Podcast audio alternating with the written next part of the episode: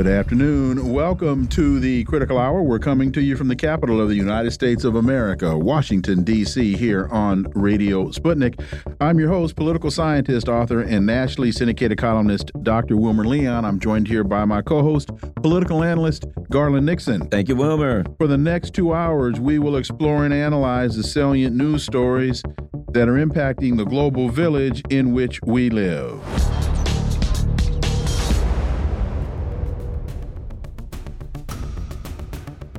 TASS reports Washington's rhetoric on direct clash of Russian and U.S. armed forces is unacceptable. Anatoly Antonov added that the fabricated stories about Russia are used to justify to taxpayers and sober minded political forces the huge expenses for containing Moscow. For insight into this, let's turn to our first guest. He's a political cartoonist, syndicated columnist, and co host of Sputnik's The Final Countdown. Ted Rall, as always, Ted, welcome. It's great to be here. Thanks for having me. So, uh, Washington's provocative rhetoric regarding the possibility of a direct clash between Russian and U.S. armed forces is unacceptable for a responsible nuclear power, Russian ambassador to the U.S. Anatoly Antonov said.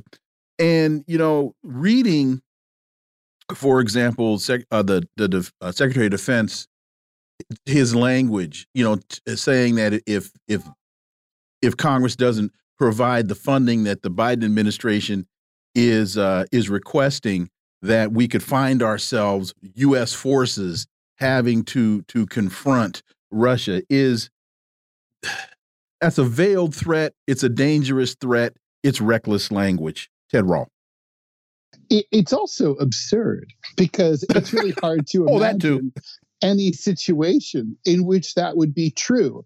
Um, you know, I, I, read very carefully the, uh, the, the the rhetoric of the people who support Ukraine, and especially on Capitol Hill, but also in corporate media.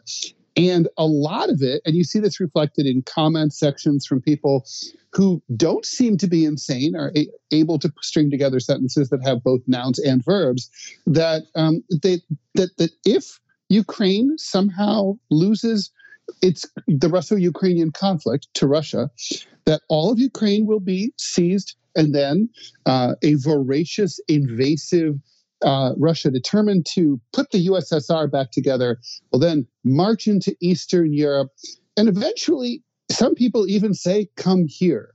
And you know, it's it's kind of like there's so there's not enough time in this interview to go over all the reasons why that's idiotic and on its face stupid.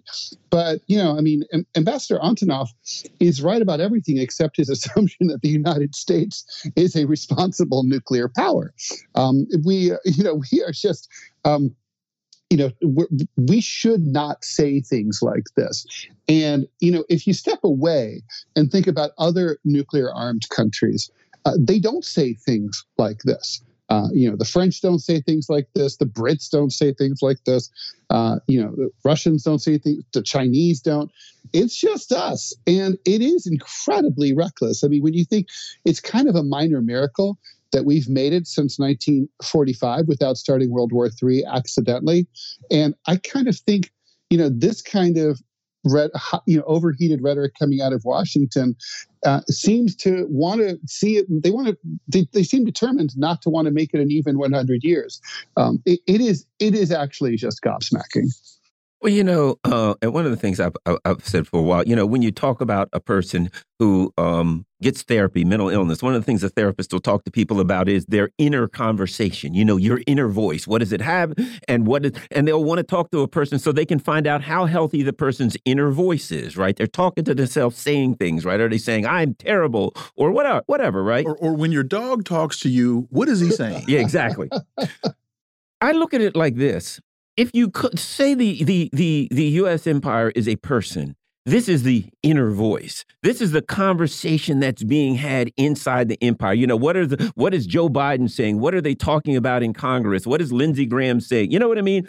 And when you look at the inner voice of the U.S. empire, if the U.S. empire were the were the, were the patient, it is uh, completely insane, schizophrenic. Yeah, you can't even. If, in reality, you do a disservice to reality by evaluating those comments as though they're true or false, rather than just look at it at them and like like if you're walking down the street and a homeless person is talking to themselves. Don't evaluate that as opposed to whether it's true or false. It's just a person who needs help.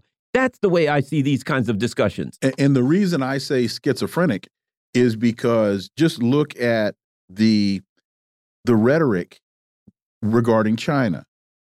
Blinken goes and talks to President Xi and comes to the microphone and says, Hey, we had a great conversation. Things went well.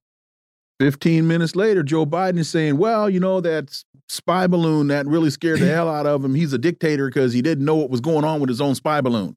Or the San Francisco exchange, where they meet in San Francisco, Joe Biden, they say, Oh, had a great conversation. 15 minutes later, yeah, but the guy's a dictator.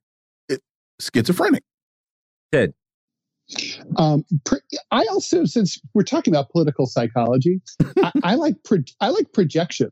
Mm -hmm. uh, I mm-hmm. think the you know, I mean, if if you're an intelligent intelligence officer at any of the world's leading intelligence agencies, you're you try to put yourself into the mindset of your uh, rivals, other countries, uh, adversaries, and think, okay, well, what would they do given the following situation? So we can try to analyze that and predict it.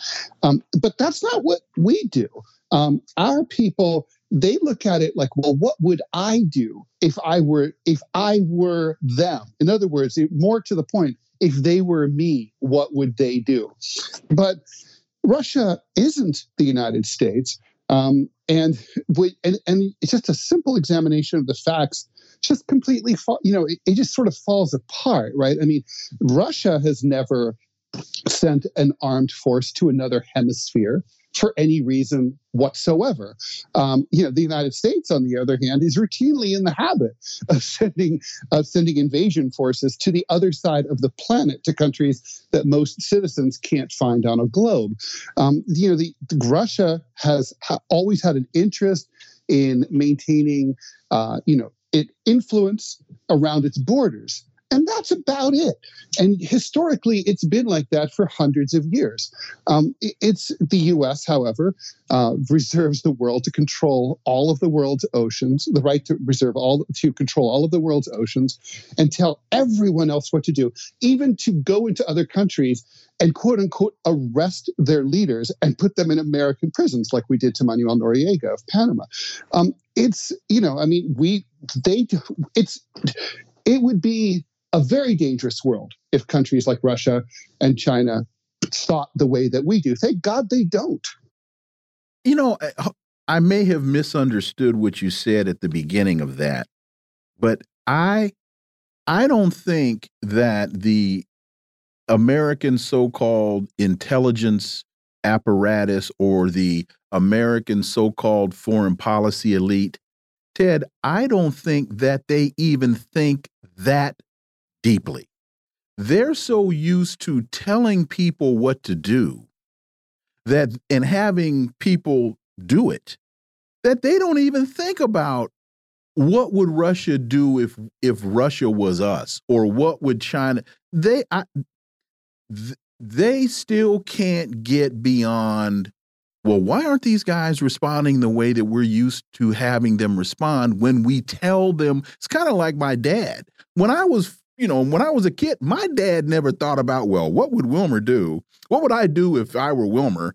And I told him, no, son, I told you to cut the grass, and I want the grass cut when I get home. That's it. There's no conversation, there's no debate. and if you didn't get it done, then you know there were sanctions right. that, were, that were imposed. Coercive measures will be taken about so, that. so, I, so I don't think the United States even goes through that exercise, Ted. Yeah, no, I think that's true. Uh, you know, maybe as a more modern parent who had a who had a son who asked quite wisely, "Well, why do we have to rake the leaves?" And then, you know, I, I had to think about like, well, actually, you know, I just always do it, but it forced me to think about it and then you know come up with uh, the answer that was convincing in order to persuade him to. Uh, no, to, see, Ted, I to, to you, I, I, might I, ask, I might ask the why after the, the, the, leaves were raked. But I wasn't about to ask ask the why before. yeah, well, my my my my, my son, my my my parenting style involved less uh, fewer sanctions and, uh, and, fewer acts of military force. I understand. Than I understand. probably in our generation. I understand. Yeah. yeah. But anyway, all right. Now, here's an interesting thing. So uh, we're, you know, in talking about what the Biden administration is doing in foreign policy, Trump's GOP lead returns to a record 53 points ahead of the fourth Republican primary debate. Um, and this was just before the debate. The bottom line is this. It seems to me the more they go after Trump, right, the more they attack Trump, it seems to me that as people get angrier at the system, it solidifies Trump's position as the anti politician. It's like, see, the system hates me. They're trying to take me out. And regardless of what you think of Trump, there are a lot of people, I keep saying this, Ted, they don't care who the president is. As long as that person has an axe. And when they come in the White House, they start swinging the axe. And I'm not, Trump ain't that person, but he knows how to portray himself as that person. And all of the attacks on him by the system only solidifies that, Ted Rall. Well, and he he has been very, very clear and very consistent in telling his constituents they're coming at you through me. Yep. So it's that martyr complex. I'm taking the hit for you, Ted. Yeah, no, I think that's right. And um, I think also in a binary uh, political system where people are dissatisfied, their only ability to send a message that basically says, I'm dissatisfied, is to vote for whoever's not in power. So, you know, people, the, the voters, I think, are flailing back and forth constantly. Uh, you know, they were displeased with the they were displeased with uh, eight years of uh, Obama in 2016, so we got Trump. They were displeased with Trump, so we got Biden. Now they're displeased with Biden. If the election were held tomorrow, it's back to Trump. It's basically if we would, ha- it would be fascinating to see how Americans would vote in a parliamentary democracy with, say, 10 choices ranging from far left to far right and every shade in between. I suspect it would just blow us and uh, blow everyone away. Uh, people are, we would really understand what we live in, but we don't have a democracy. People don't really get the government they deserve because they don't have the ability to choose between even one of the two that they really like. They don't really like either one. Brexit. I always say this Brexit. The elites in UK started Brexit thinking, oh, yeah, we can control this, blah, blah, blah. And if you look at it, the people in England looked at it and, and basically, it wasn't even about Brexit. It was we get a chance to vote against something that the elites don't want. They don't want it. And whatever the heck it is, we get to finally register that we're unhappy with the elites. And a lot of people evaluated afterwards and talked to people, found out there was a lot of people, they wanted to throw a fist at the elites. And when when people get an opportunity and, and they haven't had one in a long time, even if ultimately they think they're not going to get what they want afterwards, they already feel like they'll never get what they want. And they want an opportunity to give the finger to those people that they're furious at. And, and Ted, we don't even have to go to a parliamentary process. We could just make some adjustments to the process that we have, such as rank voting order, uh, uh, or uh, or or proportional representation. I mean, there are some things. There are some adjustments that we could make to the existing structure that would enable the existing the outcome of the existing structure to represent a broader interest of the electorate. Uh, that's true. Um, there are some tweaks. Although Lani Guinier was a, a was a big proponent City, of, of some of that. As a resident of New York City, though, where we have the current uh, mayor, Eric Adams, who has a 28% approval rating um, and is despised by both Democrats and Republicans alike, I just want to remind everyone that was ranked choice voting that we had here, and it, it doesn't always work. Oh no, no, no, no, because you, no. you you can still you can still wind up with a fool as a candidate. There's there's well, you know what? Here's the other part too, and this is important, and this is what I get back to with what happened with Bernie in 2016, what happened in Bernie in 2020, and that is you always have to keep in mind that the final product is only representative of your your final Input. options. Garbage in, garbage out. Exactly. So if they see someone in the primaries who, you know, look what they did to Nina Turner, look what they did to Bernie Sanders. Anytime they saw somebody in the primaries who wasn't the person they wanted. Right now, what's AIPAC saying? We're going to primary people who didn't vote, uh, you know, Cori Bush, whoever that didn't vote the way they. What they understand is we don't care who you vote for in the final product, as long as we can put some version of John. Do you want a, a version of John McCain A or John McCain B? That's ultimately all you get, Ted. No, that's totally true. Um, there's an old paperback, I think from the late 60s, early 70s, uh, history book called They Also Ran. And it's basically an analysis of losing presidential candidates and the careers that they had before and after they ran. People like, and you, you know, it's it's a really sad list of people who probably would have made better presidents than what we ended up with. People like George McGovern and Adlai Stevenson. Um, and, you know, I think if you updated it today, you'd have Bernie Sanders and I think about like, you know, President Bernie Sanders, if he behaved anything like Senator Bernie Sanders, okay, so he was late to criticizing Israel uh, in, in its uh, attack on the people of, of, of Gaza. But you know, he got around to it. He's there. He's no doubt behaving right now. Senator Bernie Sanders, uh, I would prefer him as my president, but we weren't given that choice. We're not allowed. That's just exactly what you said. Looking in Ted Rall's crystal ball, Mm. How do you? Because I know you just got it back out the shop. Um, no one um, wants that. We're looking at what I think the Democrats spiraling into the abyss, and with their latest announcement that they're saying now that they might not even agree to debates for the general election. They really seem to be trying to hide Joe Biden from everybody. And uh, Garland and I were talking before we came on that was it the the fundraiser was last night that uh, Joe Biden had in in in Boston. Boston. Yeah, the people were out by the thousands screaming, uh, uh, waving Palestinian flags and and screaming about the administration's support for genocide in in Gaza. And they they they, they seem to be tone deaf. They seem to be uh, in, in kind of like the, in, in a circular discussion where the only advice they're getting is from their own sources, and their own sources are tone deaf. Yeah, look, I don't think um, Biden's going to agree to debate Trump. He'll come up, his campaign will come up with excuses not to. Trump's insurrectionist or whatnot. Um, but the, you know, if you really think about it, the fact, the only real political reason not to debate Trump would be if he was well in the lead.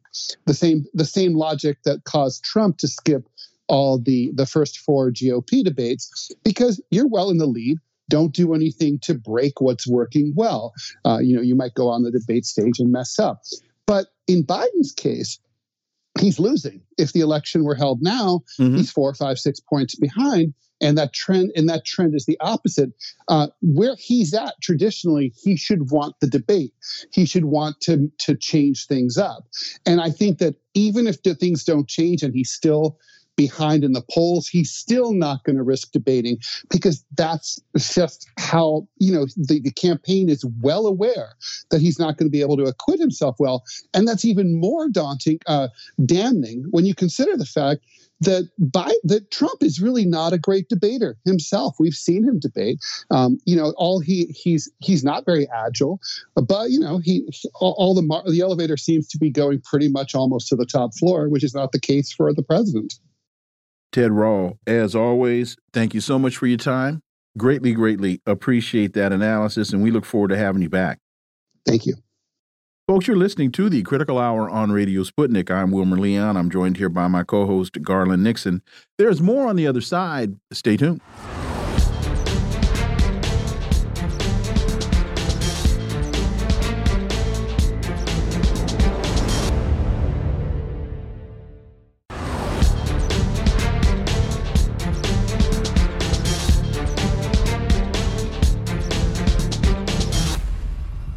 We are back, and you're listening to the Critical Hour on Radio Sputnik. I'm Wilmer Leon, joined here by my co host, Garland Nixon. Thank you, Wilmer.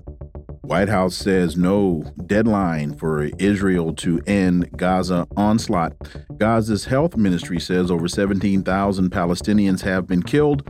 U.S. Deputy National Secretary Security Advisor Jon Finer said yesterday that the administration, the Biden administration, has not set a deadline on Israel's war in Gaza and reiterated U.S. opposition to a ceasefire.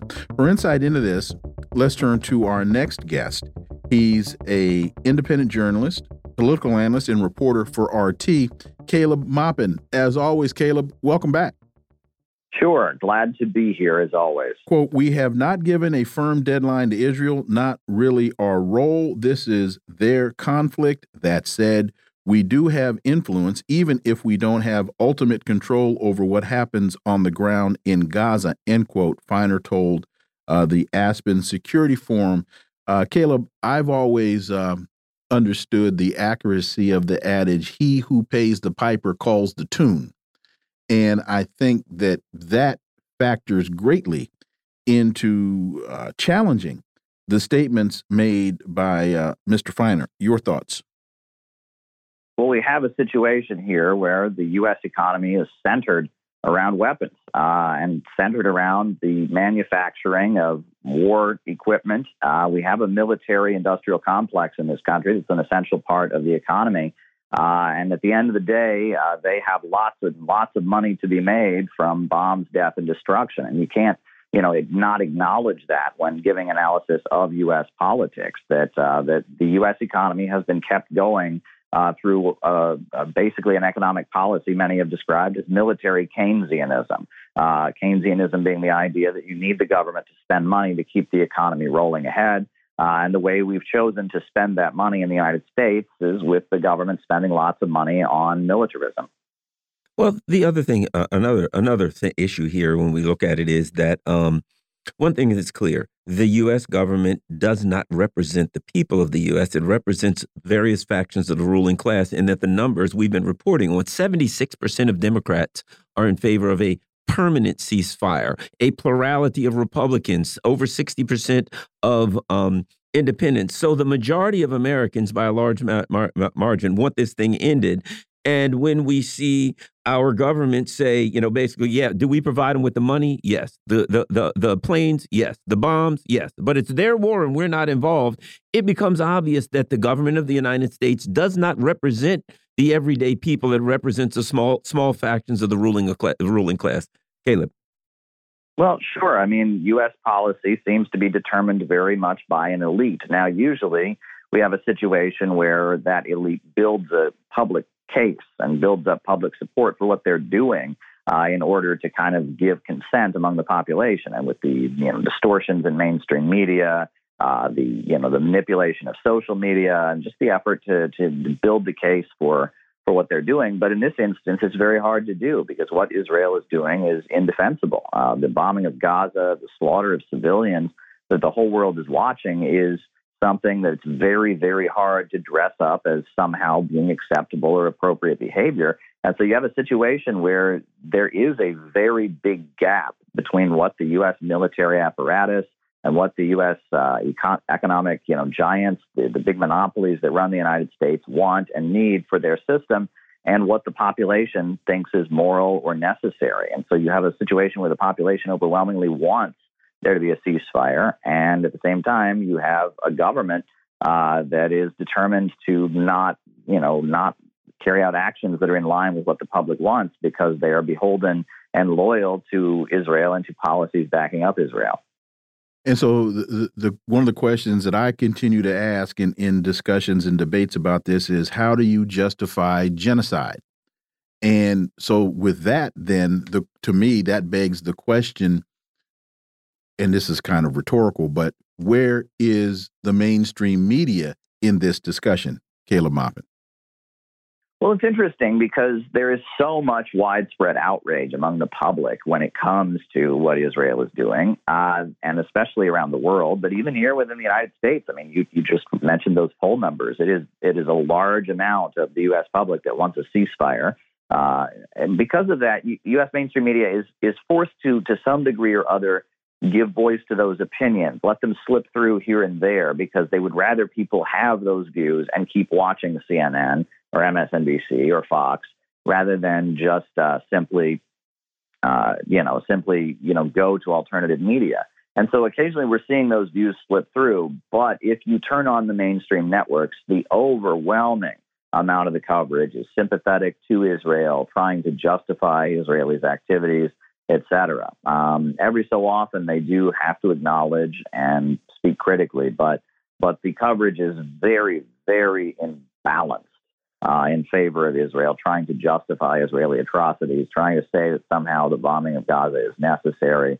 And there's just a huge, huge effort to uh, to try and sway public opinion in favor of what Israel is doing and what the United States is enabling Israel to do. But at the same time, the public just doesn't seem convinced. Antiwar.com reports Senate votes down resolution to withdraw troops from Syria. The bill was led by Rand Paul, Republican of Kentucky, and failed 13 to 84. And what's interesting is at a time when um, the bases of the U.S. are under attack in Syria, and the U.S. is making noise about um, uh, you know, has been about Ukraine and democracies and uh, the uh, integrity of borders of other countries, et cetera. And the hypocrisy of the U.S. empire could be no more blatant than the illegal um, bases uh, in Syria. Caleb. Well, Syria is a UN member state. Uh, they are an internationally recognized government. They are a sovereign country. They are now a member of the Arab League uh, once again. They had been with, withdrawn from the Arab League, but now they are once again a member of the Arab League. This is an internationally recognized country with borders, and yet we have the U.S. U.S. soldiers, the U.S. military forces in this country without the permission of the internationally recognized government. And the U.S. forces are there, and they did not ask the Syrian government if they have permission to be there. Uh, they're there. I believe Donald Trump said we were sending their, them there to get the oil, right? And that's that's they have certain, you know, there's certain oil refineries and such that that, that they're operating, and I mean it's pretty blatant and it's a violation of the sovereignty of a country and the disregard for international law. I mean, you can imagine how the United States would respond if there was the military force of some other country within their borders without permission. Uh, this is just completely outrageous. And the fact that this was voted down. Uh, you know, Rand Paul put it forward saying, hey, why don't we comply with international law and not have troops in a country where we're not allowed to be there? Uh, and uh, it looks like the U.S. Senate disagreed. And Rand Paul said, keeping 900 U.S. troops in Syria does nothing to advance American security. Rather, our intervention puts those service members at grave risk by providing an enticing target for Iran backed militias. And there's also an element to that discussion that the settler colonial state Israel is doing everything in its power to bring the United States into a conflict against Iran. And so here we have basically the United States seems to be, and again, this is somewhat rhetorical. This is no, um, no brilliant observation on my part, doing everything it can do to find a way to get engaged directly in a conflict in the region? Well, it seems like Israel has been focused on trying to make this about Iran from the beginning. Uh, you know, Hamas, they are Sunni Muslims. Uh, they are, you know, descended from the Palestinian wing of the Muslim Brotherhood. And, you know, Iran does support the Palestinians and is one of the most consistent, is probably the most consistent country in the region. Its backing of the Palestinians. Um, but you know, to to play up the idea that Hamas are Iranian proxies, Iranian agents, uh, that, that's that's false. And when you talk about the situation in Syria, the Syrian Arab Republic, which is a secular government, um, you know, and, and Bashar Assad, his religious background is is Alawite, which is a form of Shia Islam, but it's very different than the Shia Islam practiced in Iran. Uh, the majority of the Syrian population are Sunnis. You also have a very big Christian population in Syria and it's a secular government. Uh, the ideology that rules is Ba'athist Arab socialism. Uh, and they have requested that Iran help protect them. Uh, you know, they were there. Iranian forces, uh, as well as Hezbollah from Lebanon, were there fighting against ISIS. Um, and so those Iranian militias have the right to be in the country because the internationally recognized government invited them to be there to help the fight against terrorism. The U.S. forces in Syria do not have the right to be there because the internationally recognized government never told them that they could enter the country. Those 900 U.S. troops are there against international law and against the wishes of the internationally recognized government. And it seems like this has been the focus of Israel uh, from the time of October 7th to now. They just continue to play up the idea that Iran is at war with the United States, that Iran, you know, is is responsible for this whole crisis, that the USA needs to go to war with Iran. Well, the U.S. public doesn't want to go to war with Iran. Uh, and I think the Biden administration, you know, among at least some officials in the Biden administration, there's a desire to go back to the Iran nuclear deal, which was considered to be a big achievement of the Obama administration. Now, I really doubt that'll happen in result of everything that's happened in the last, you know, in the last few years, you know, but but the Biden administration is not an administration that wants to go to war with Iran per se. Um, they're not exactly as friendly to Iran uh, maybe the Biden, uh, maybe the Obama administration was, and and I, I, feel like they do have bad intentions. They probably would like to stage some kind of color revolution or destabilize Iran. But the Biden administration is not committed to escalating against Iran. And actually, if you look at it, that strategy of Donald Trump, and it was the strategy of Obama to polarize the region, you know, between between you know you know Sunni countries that were aligned with the United States and and Iran and its allies in the region. That, that strategy has completely failed. Iran is friendly now with Saudi Arabia. Iran has good relations throughout the region, and it's Israel that is getting the condemnation of the entire Arab world, the entire Muslim world. So we're in a situation where if they were to polarize the region as Israel versus Iran, it, that would actually probably be in Iran's favor at this point because Israel is so hated uh, for what it is doing to the Palestinians at this very moment. Antiwar.com also reports the U.S. tells Israel not to strike the Houthis in Yemen. Um, apparently, what we're being told is, you know, as we you probably know, the Ansar Allah, or the, often known as the Houthis, um, they've been um, uh, um, firing missiles and drones at uh, various ships in the Red Sea, uh, commercial ships that link to Israel, U.S. Uh, ships, and uh, apparently the U.S. is not um, going to take action against them. One of the things that this article says is there's concern about the um, the delicate deal between Ansar Allah and um, the Saudis and the UAE, and of course the uh, the oil infrastructure of the Saudis and the USE and excuse me in the UAE are, are, are quite vulnerable to attack. Um, your thoughts on all of this? Well, I think that again, we're seeing kind of a gap between Netanyahu's desire to make this a regional war and go all out against Iran and all of Iran's allies and all the forces in the region that are sympathetic to Iran, and the Biden administration that would really like to, to some degree or other, de escalate this while they enable it. Because the Biden administration has given a green light to Israel to do whatever they want, it seems. I mean, they're providing the weapons, they're providing the funding they're not calling for the ceasefire. They're protecting them at the UN Security Council. But at the same time, I think the Biden administration doesn't want what Netanyahu wants, which is to expand this to a regional conflict. Netanyahu very much seems determined to make this not about Gaza, but about Iran. And the Biden administration is very reluctant to go along with that. Um, and I think that that's where the tension lies. Let's not forget that when the Iran nuclear deal was passed, Netanyahu went and spoke to a joint session of the U.S. Congress condemning the Iran nuclear deal. You know, Biden was the vice president who had a lot to do with the Iran nuclear deal, and and uh, the Iran nuclear deal ended up going through. Now it was ripped up under Donald Trump uh, and and pretty much destroyed, but it went through during the Obama administration, and Biden, as the vice president, had a lot to do with making that deal. And I think that while it, it seems like the USA is basically just beholden to Israel. There, there is a situation where they just have to keep supplying the money. They can't call for a ceasefire.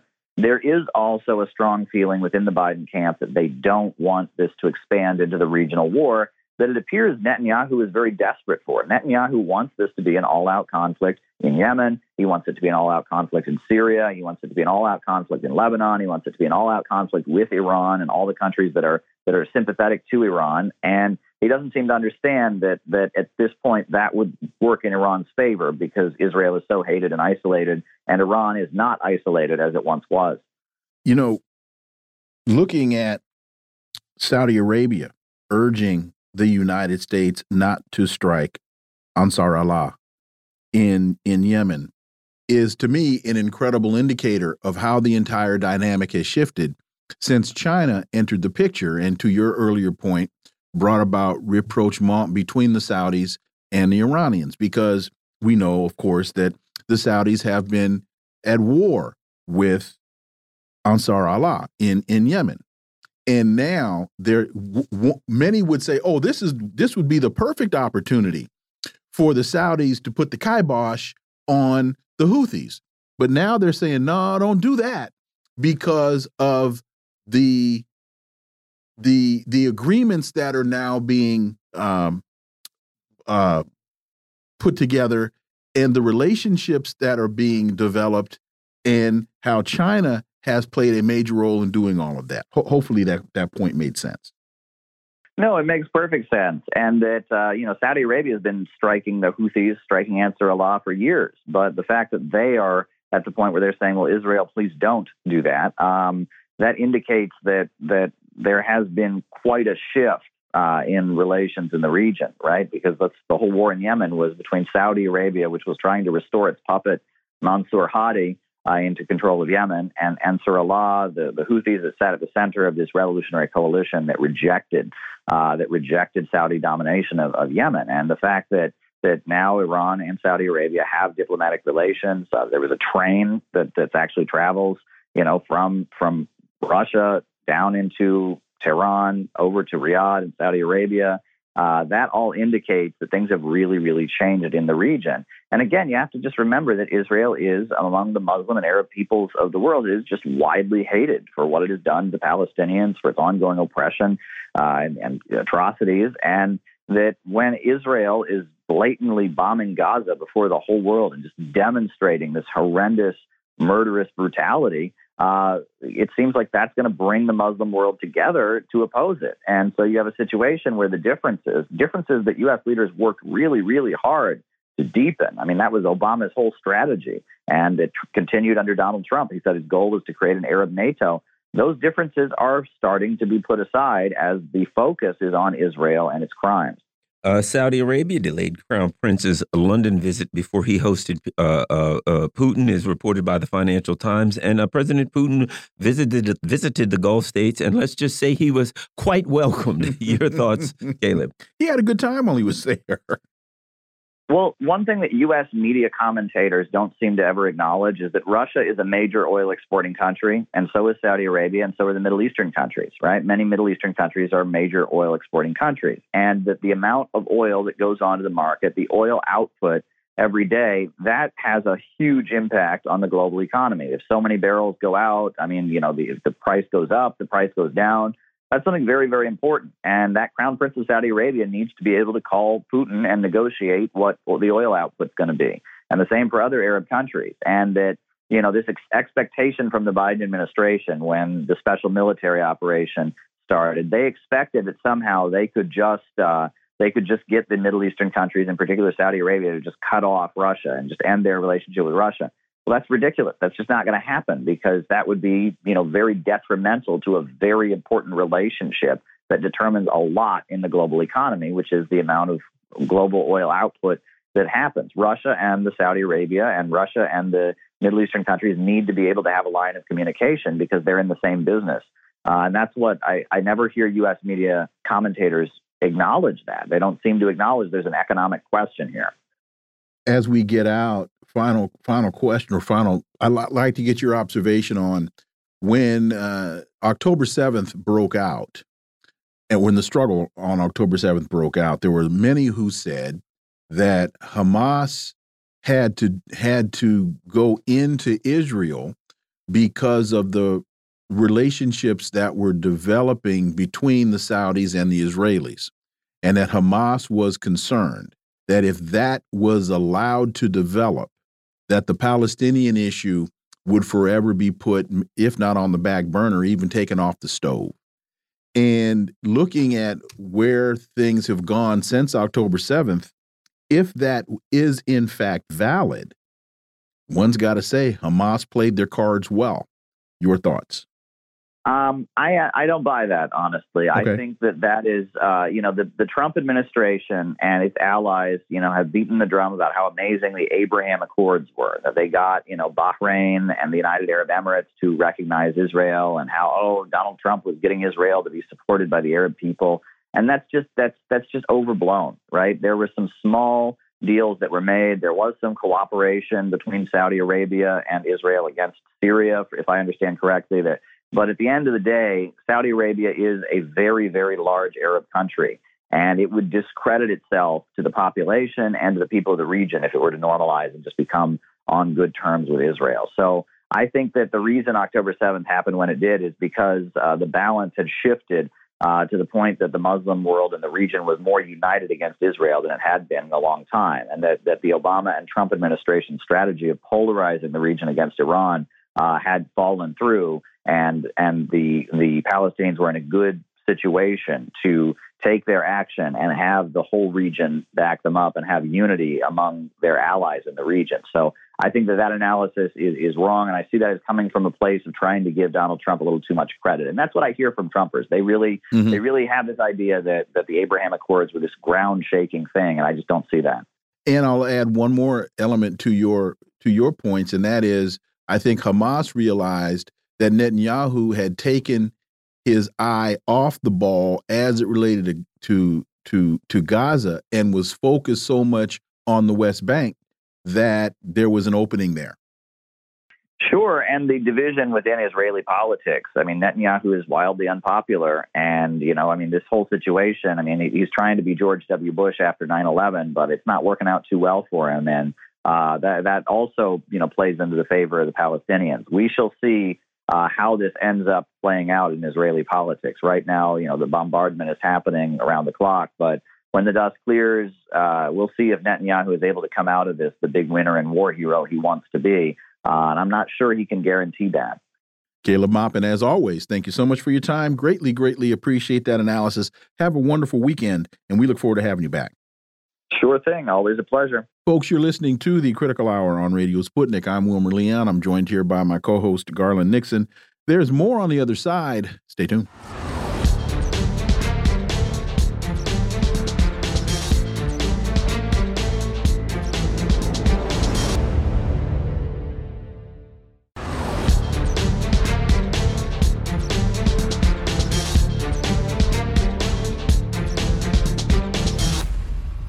We are back, and you're listening to the Critical Hour on Radio Sputnik. I'm Wilmer Leon, joined here by my co host, Garland Nixon. Thank you, Wilmer. The Guardian and other outlets report U.S. economy adds 199,000 jobs as unemployment rate falls slightly. Jobless rate is down to 3.7% as world's largest economy grapples with interest rates and American policymakers plot next moves. This while the Wall Street Journal reports economy soft landing comes into view as job growth slowly descends. Hiring moderate, I'm sorry, hiring moderated from earlier this year in recent months with November gains boosted by return of striking auto workers. For insight into this, let's turn to our next guest. He's an associate professor of economics at the University of Missouri Kansas City, former president of the National Economics Association, Dr. Linwood Tauheed. As always, sir, welcome back. Thank you. So, again, employment growth has been fading this year after the Fed launched an aggressive campaign to pull back inflation from its highest levels in a generation. Official data bolstered hopes that the central bank would manage to guide the U.S. economy to a so called soft landing. What do these numbers say to you? Are they as um, as telling, and are they as positive as they want to make them out to be? Well, I think the numbers are are, are in decline, even though uh, some of the numbers appear to be uh, increasing in employment. 199,000 jobs added in in uh, in November sounds like a lot, but we have to subtract 30,000 returning auto workers who were on strike. It wasn't that they didn't have uh, employment; they just were were not earning an income which in the statistics makes them unemployed for the period they were on strike. So when we subtract those 30,000, we get 169,000. Now, in September, the economy added 279,000, 110,000 more than it did in November. In October, it was about 150,000. And so the, the, the, the trend is downward in terms of adding new jobs And so, uh, you know, we are we are heading to a, a landing. Uh, whether it's going to be a soft landing, I think, is going to be depend upon whether or not um, how how how consumers can can navigate their their credit card spending, because much of the economy right now is being buoyed by credit card spending, and when those credit limits are reached, then that spending is going to stop. But in terms of of employment, uh, the numbers are going, uh, uh, the number of jobs produced is going down. The unemployment rate went from 3.8% to 3.7%, but then we had 30,000 returning auto workers. And again, you know, they're they're they're um you know the issues of how many jobs were added. Of course, there's so many nuances to the jobs, what kind were there, all those kinds of things. But the other part of it is that what people are feeling on a day-to-day basis when it comes to you know inflation affordability uh, et cetera. Uh, what are your thoughts on how the job numbers in, uh, uh, uh, influence the total health of the economy when it comes to these other factors? Well, you raise an issue that is important in terms of the types of jobs being created. Many of these jobs, if not most of them, are, are part time work uh, people are are not earning the income that they need in order to be able to buy buy food, clothing, and shelter for themselves. And food and shelter are increasing in in cost. There's still a high inflation rate, and so the things that are essential to to regular people are are on a decline, increasing prices while we have decreasing income. And so, while, for example, the Biden administration is trying to, to say that the economy is good, and you have a number of economists we're saying the economy is good. Why don't why don't people know it? Well, people don't know it because for regular people, the economy is not doing well. Um, one other thing, mm -hmm. um, November. Here's what I think when I see jobs added in November. I, I know people who get jobs at uh, FedEx, um, seasonal stores, um, Black Friday's coming. They need people to stock the shelves. Grocery stores. You know how how how what percentage of that are people who are getting these seasonal, you know, uh, Christmas, Black Friday kind of jobs? Well, in fact, that was going to be my next question. Was looking at this one hundred and ninety nine thousand number as we're in the holiday season and all these seasonal retail jobs are needed where are we? Uh, that does not seem to be uh, having the impact that we traditionally have expected. Well, yeah, the seasonal jobs uh, in a in a regular booming economy uh, would be would be higher than this. Again, you have to subtract the the thirty thousand auto workers, so we're at one hundred sixty nine thousand nine auto work jobs. But the but the seasonal work uh, jobs created should be higher than this, and seasonal jobs tend to be part time jobs. Mm -hmm uh, part time because uh, workers, uh, employees are hiring them, but they're not wanting to pay uh, benefits, the health insurance, and all that. So they hire part time workers, two part time workers instead of one full time worker. And so in this season, not only is, is this seasonal work, but it's also um, not uh, the, the numbers created is not what it should be if we're going to have a booming holiday season. And what if anything, what if any impact do you think that this jobs report is going to have on the uh, Federal Reserve's rate discussion that I think they're scheduled to have next week?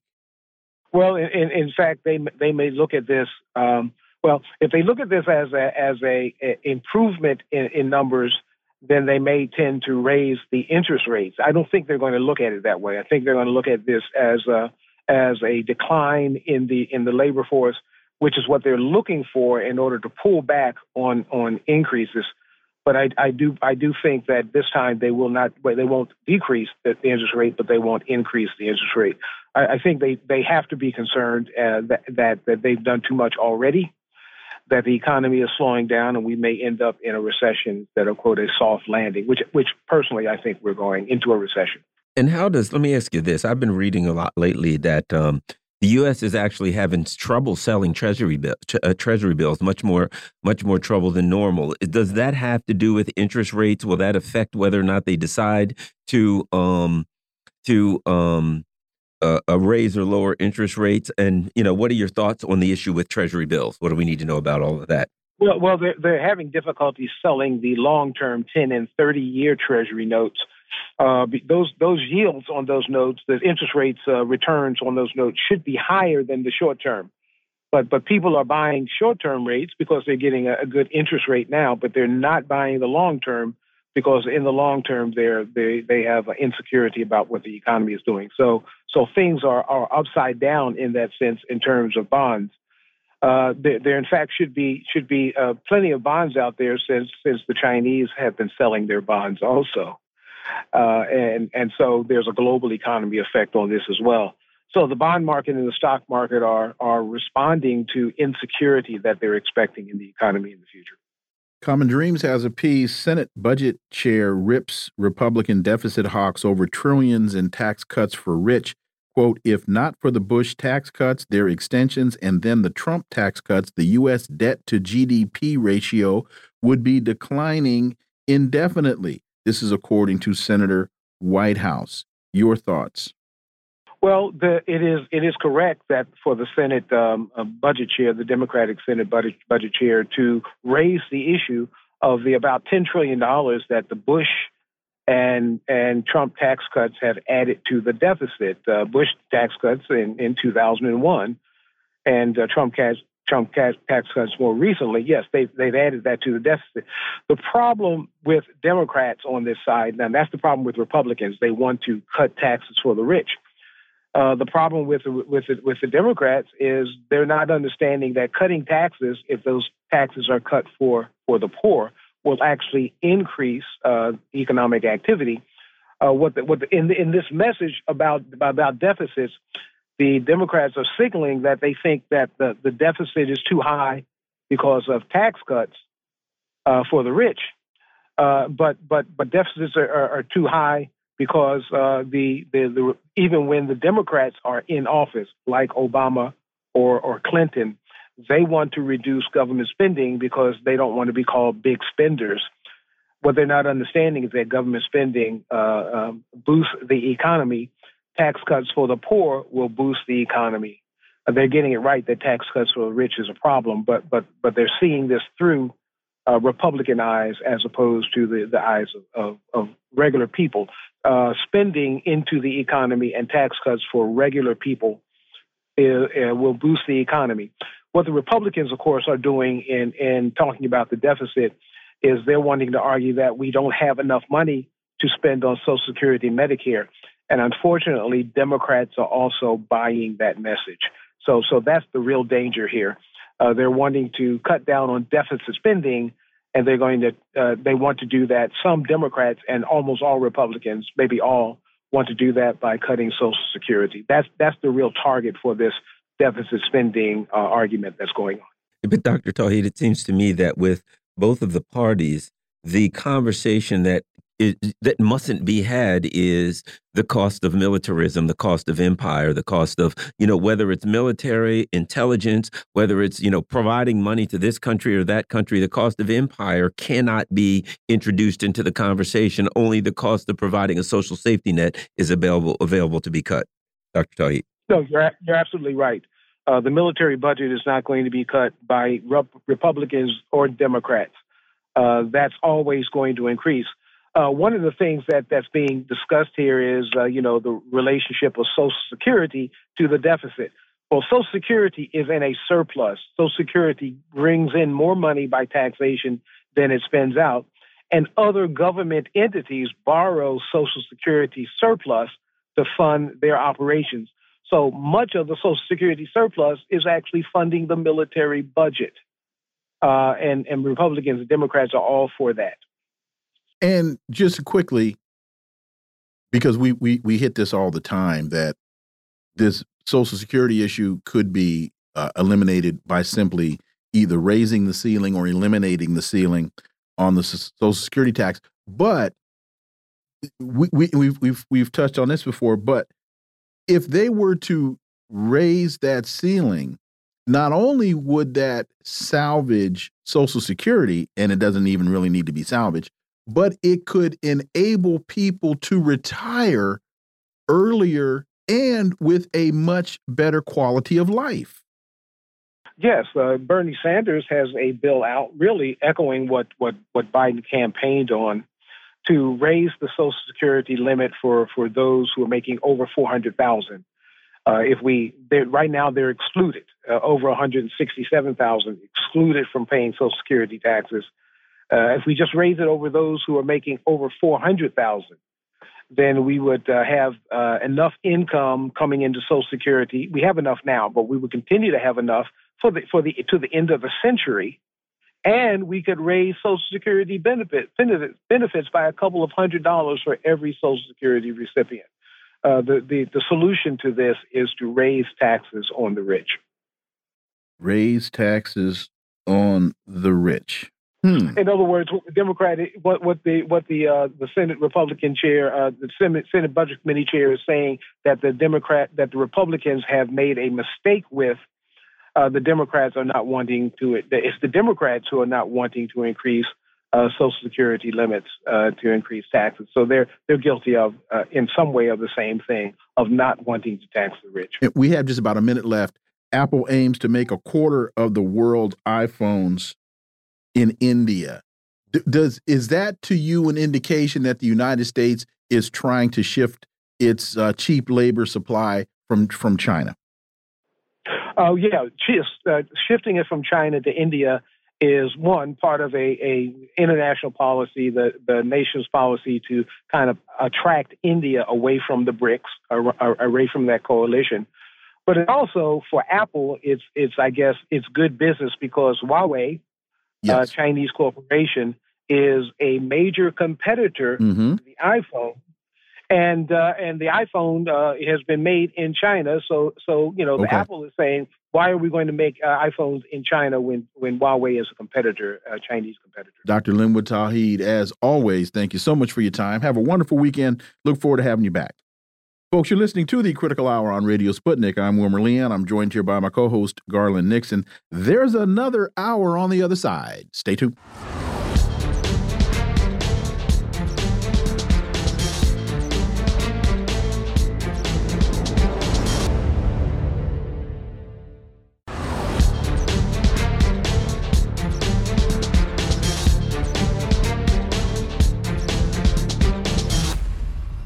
We are back, and you're listening to the Critical Hour on Radio Sputnik. I'm Wilmer Leon, joined here by my co-host Garland Nixon. Thank you, Wilmer. ScheerPost has a piece entitled "Matt Ta or by Matt Taibbi, Sue the Bastards." Federalists and Daily Wire take the State Department to court. In late October, the liberal anti-establishment investigative site Consortium News filed a historic suit against the U.S. and NewsGuard Industries describing a state funded effort to label, defame, and stigmatize, quote, media organizations that oppose or dissent from American foreign and defense policy, end quote. For insight into this, let's turn to our next guests. It is Friday, so that means it's panel time. And we're joined by the host of AM Wake Up and Slow News Day. You can watch live on Rokfin and Rumble and listen anywhere podcasts are served. Steve Poikonen. As always, Steve, welcome back. Happy Friday, gentlemen. We are also joined by an independent journalist whose work can be found at Substack and thepolemicist.net, Dr. Jim Kavanagh. As always, welcome back. Thank you for having me. So, Taibbi continues now. A pair of conservative media outlets, The Federalist and The Daily Wire, have filed a bookend suit to match the consortium news action. This time, the defendant is the Global Engagement Center, the State Department organization ostensibly dedicated to countering foreign and state, non state propaganda. Steve, censorship is alive and well and living in America in spite of the First Amendment. Your thoughts, sir? Well, you can't have effective censorship without having an effective bagman to carry money from the government to various other places that are going to stamp down on people's ability to communicate. That's exactly what the, the GEC was doing as a part of the State Department. Uh, as much as I, I'm not a fan of the, the Daily Wire, uh, I applaud them for taking the government to court over this, especially targeting the State Department specifically, because this has been a military operation against independent journalists. It's been a military operation against people who would like to exercise free speech in a non media capacity, and it's been a military operation against people who would like to hold thoughts that are outside of the acceptable parameters of, of conversation uh, in, in, the traditional media landscape. So I, I, yeah, I applaud both organizations for doing it. I applauded Consortium News when they did it, and I hope that if nothing else, uh, it causes the State Department a lot of money in legal fees and a lot of time when they could be planning multiple operations in, let's say, Guyana, South Sudan, Israel, Ukraine, Taiwan, and elsewhere. Dr. Jim Kavanagh. Yeah, well, you know, we've had this going back, Operation Mockingbird. I mean, we know all this. The, the government was always, through various institutions, mainly the CIA for a long time, intervening and making sure things that they wanted, wanted were published and the things they didn't want weren't published. A great article by the late Robert Parry about how he was having dinner with the publisher of New Time magazine, and they just said to him, "We we just not going to do things like that. You know, uh, we're not going to publish things like that." Now that's changed with social media. So people can publish a lot of things, and a lot of things can get out. So the government has to use different tools to try and control that, and they're using it through uh, the consortium news is against the, the is against the Pentagon using uh, this anti-disinform private anti-disinformation agency, and the Daily Wire suit is against the State Department using another anti-disinformation agency. And this is all an effort by the government through intermediaries in a way that's clearly forbidden to control the flow of information in the United States and the flow of opinion in the, in the United States. And they're, you know, and this whole show in the in the Taibbi article and the, the the clip he has from the, the, the, congressional meeting where Dan Goldman, the Democratic Senate uh, representative from New York, is saying, well, the government only succeeded 13% of the time in getting it. Like, well, so they weren't censoring anybody because 85% of the time they didn't take down the tweet or they didn't. So it's like oh, only 35%, only 13% of the time can they succeed. Well, what's the level at which they can succeed? You know, they're censoring 13% of the time rather than 100% of the time or 50% of the time rather than, it's just ridiculous and they're they're we're going to see how these lawsuits play out, and they will make a big difference. They already have. And, and here's the other thing, Steve. Uh, I'd like to get your comment on. You know, look, there's a term in in law, mens rea, criminal intent, a criminal state of mind, right? If the United States government didn't feel that this was illegal, they'd just do it themselves. The Pentagon and the State Department would just come out, ah, you can't do this. They'd call Twitter, they'd do whatever.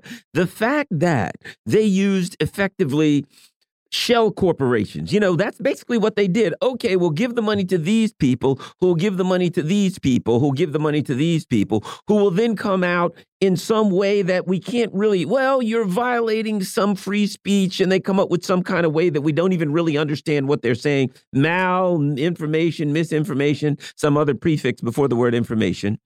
The fact that they're doing all of this demonstrates that they know it's illegal because the Pentagon or the State Department, if they didn't feel it was illegal, they wouldn't have to go through four different organizations just to, just to get the money to the final one and then pretend like they're not behind it at all. Uh, Steve. With General Garland, and look at the overlap that this is having with uh, everything that we're going to talk about regarding the Assange situation and that lawsuit as well it is effort after effort on the part of the U.S. government to obfuscate its own role in the clampdown on our ability to communicate. Of course, if they thought they could get away with it, they'd just do it broad daylight on Front Street. But because they know that according to their own rules and marketing, they are not in any way, shape, or form allowed to do this, they have to go to all of these elaborate lengths. And let's not forget that all of this is being funded with money that they stole from you. that they said, oh, yeah, no, maybe we'll put this into a school, and then they put it into 2,000 pound bombs that they're going to drop on civilian residences in Gaza or Ukraine or wherever else. And, and Jim, add to this to in in, in uh, Steve's point about uh, you know obfuscating and and hiding what they do. They even now do this with USAID the CIA used to be the operation that engaged in all the clandestine uh, spook stuff, spy stuff, uh, assassination stuff.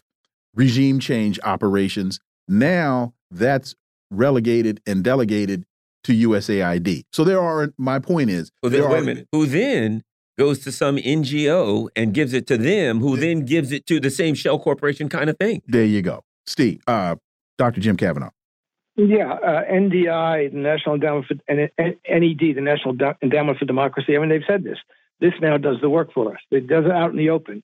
We want a regime change. We go to National Endowment for Democracy. They set up uh, various offices and they fund NDAs, uh, NGOs. That's, that's just Soros NGOs that are all in these com- countries uh, that you know train the people of the country to overthrow their government, essentially. and that's what happened with in the Maidan, and that's what Victoria Nuland said. We spent, I was three or five billion dollars getting this thing, making this thing happen through the through the NGOs. So the the surreptitious uh, cultural and ideological work that CIA used to do, you know, funding the Paris Review, funding uh, the, the uh, expressionist artists, et cetera, which they would do surreptitiously. Now that's done uh, out in the open through these uh, through the N- National Endowment for Democracy and its affiliated NGOs. So that's what you have, and uh, this is a kind of a similar model that they're trying to do here with the uh, various leagues of extraordinary censor- censorship. That they have uh, that you know, and then the Stanford uh, and the various uh, anti-disinformation groups that are out there, private organizations and academic organizations that the the American government sends reams of spreadsheets spreadsheets to telling them whom they should censor, and they largely uh, they either censor them or, as they said, the guy said here. So it, when one of the, the Congress, Jim Jordan, I think, says so. If they only succeed 13 percent of the time, the other 89 percent of the time, that's when they're being intimidated. You know, they're intimidated to do it themselves now. They don't have to wait for the orders from the government because they know they're coming and they get get out ahead of it. An attorney for the United States government contended CIA backed contractors had not violated the privacy rights when they alleged, allegedly opened the physical structure of cell phones belonging to Americans who visited WikiLeaks founder Julian Assange in the Ecuador embassy in London. There are several cases, U.S. Attorney Jean David Barnea uh, argued, that say that by giving your phone to someone else, you have relinquished your expectation of privacy. So if I give my other phone, then it's okay for them to open it and go through the components of the phone. Ah, that's a bit of a stretch. Your thoughts on that? Um, and of course, this is part of the Julian Assange saga. Uh, let's start with you, Steve. Well, of course, Garland. I mean, we all know that that everyone who walks the earth should assume that any time they they are not in possession of their cell phone or their laptop, that uh, it is beyond reasonable expectation for uh, the CIA to uh, have a, a cutout come in, go through it, take pictures of it, and send it back to them so that they can track and trace you uh, and monitor all of your activities. That's just that's an assumption that we're all apparently supposed to have as citizens of the. Let me check my notes. Uh, freest and fairest democracy that God has ever smiled upon. Um, so that's their claim. That's their claim. Not only do you have no Fourth Amendment protections as an American citizen, uh, once you leave America's borders, but America's intelligence service can freely contract with a third party who will then gather as much information on you as they can in the moment to be forwarded to, that's right, the CIA, so that they can continue surveilling you. It, it, we're, we're just supposed to be okay with this, apparently.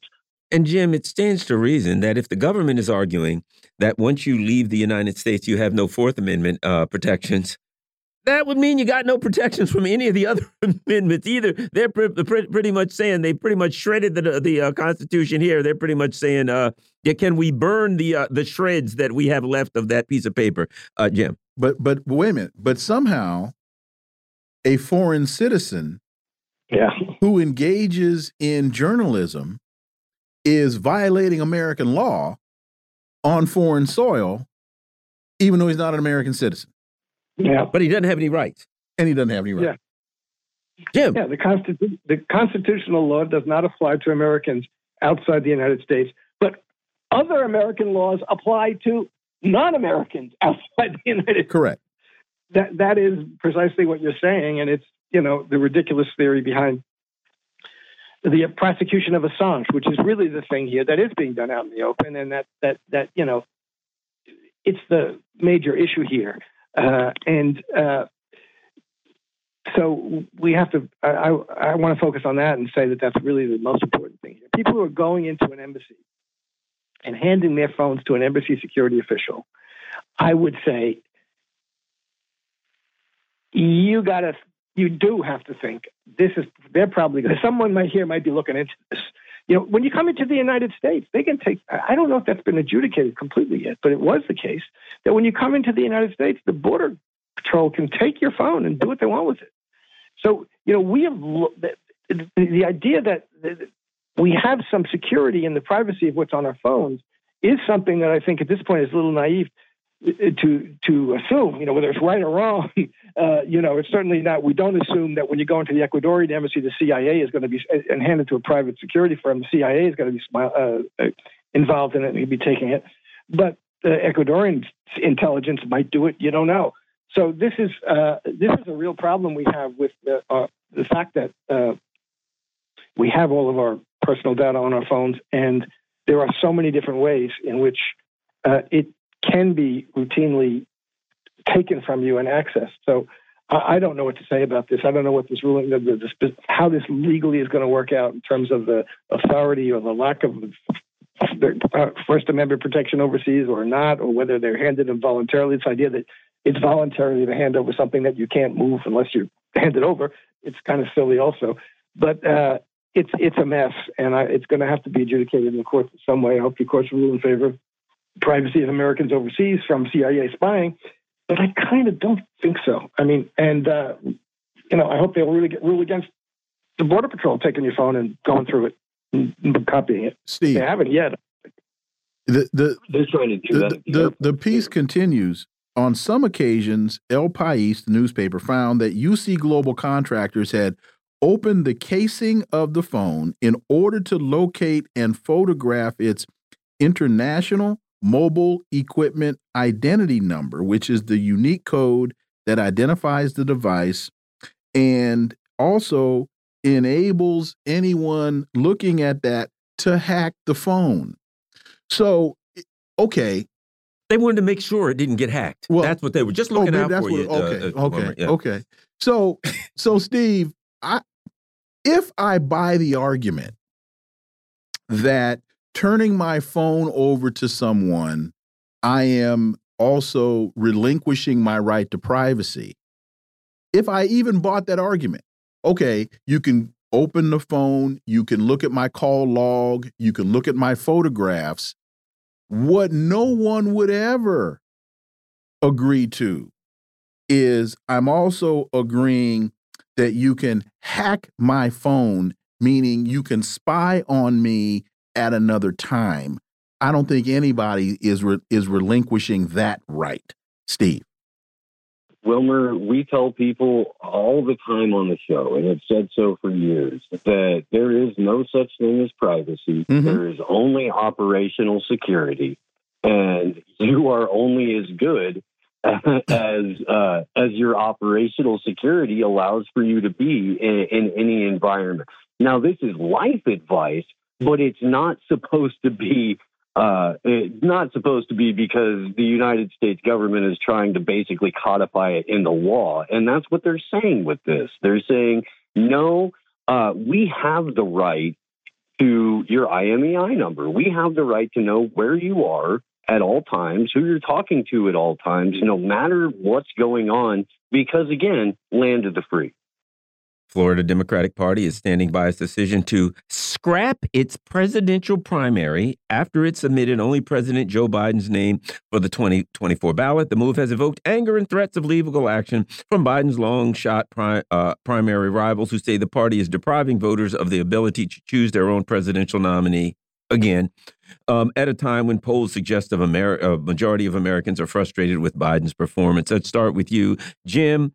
We all know what's going on here. I'll put it like this: after what happened in 2016 with Biden, I mean with with with Bernie, then what happened in 2020 mm, with Bernie? Eh, at this point? I mean, the, the, the idea that somebody thinks that the Democratic Party is actually going to exercise democracy or give the voters the opportunity to choose the nominee, uh, it's kind of preposterous, Jim.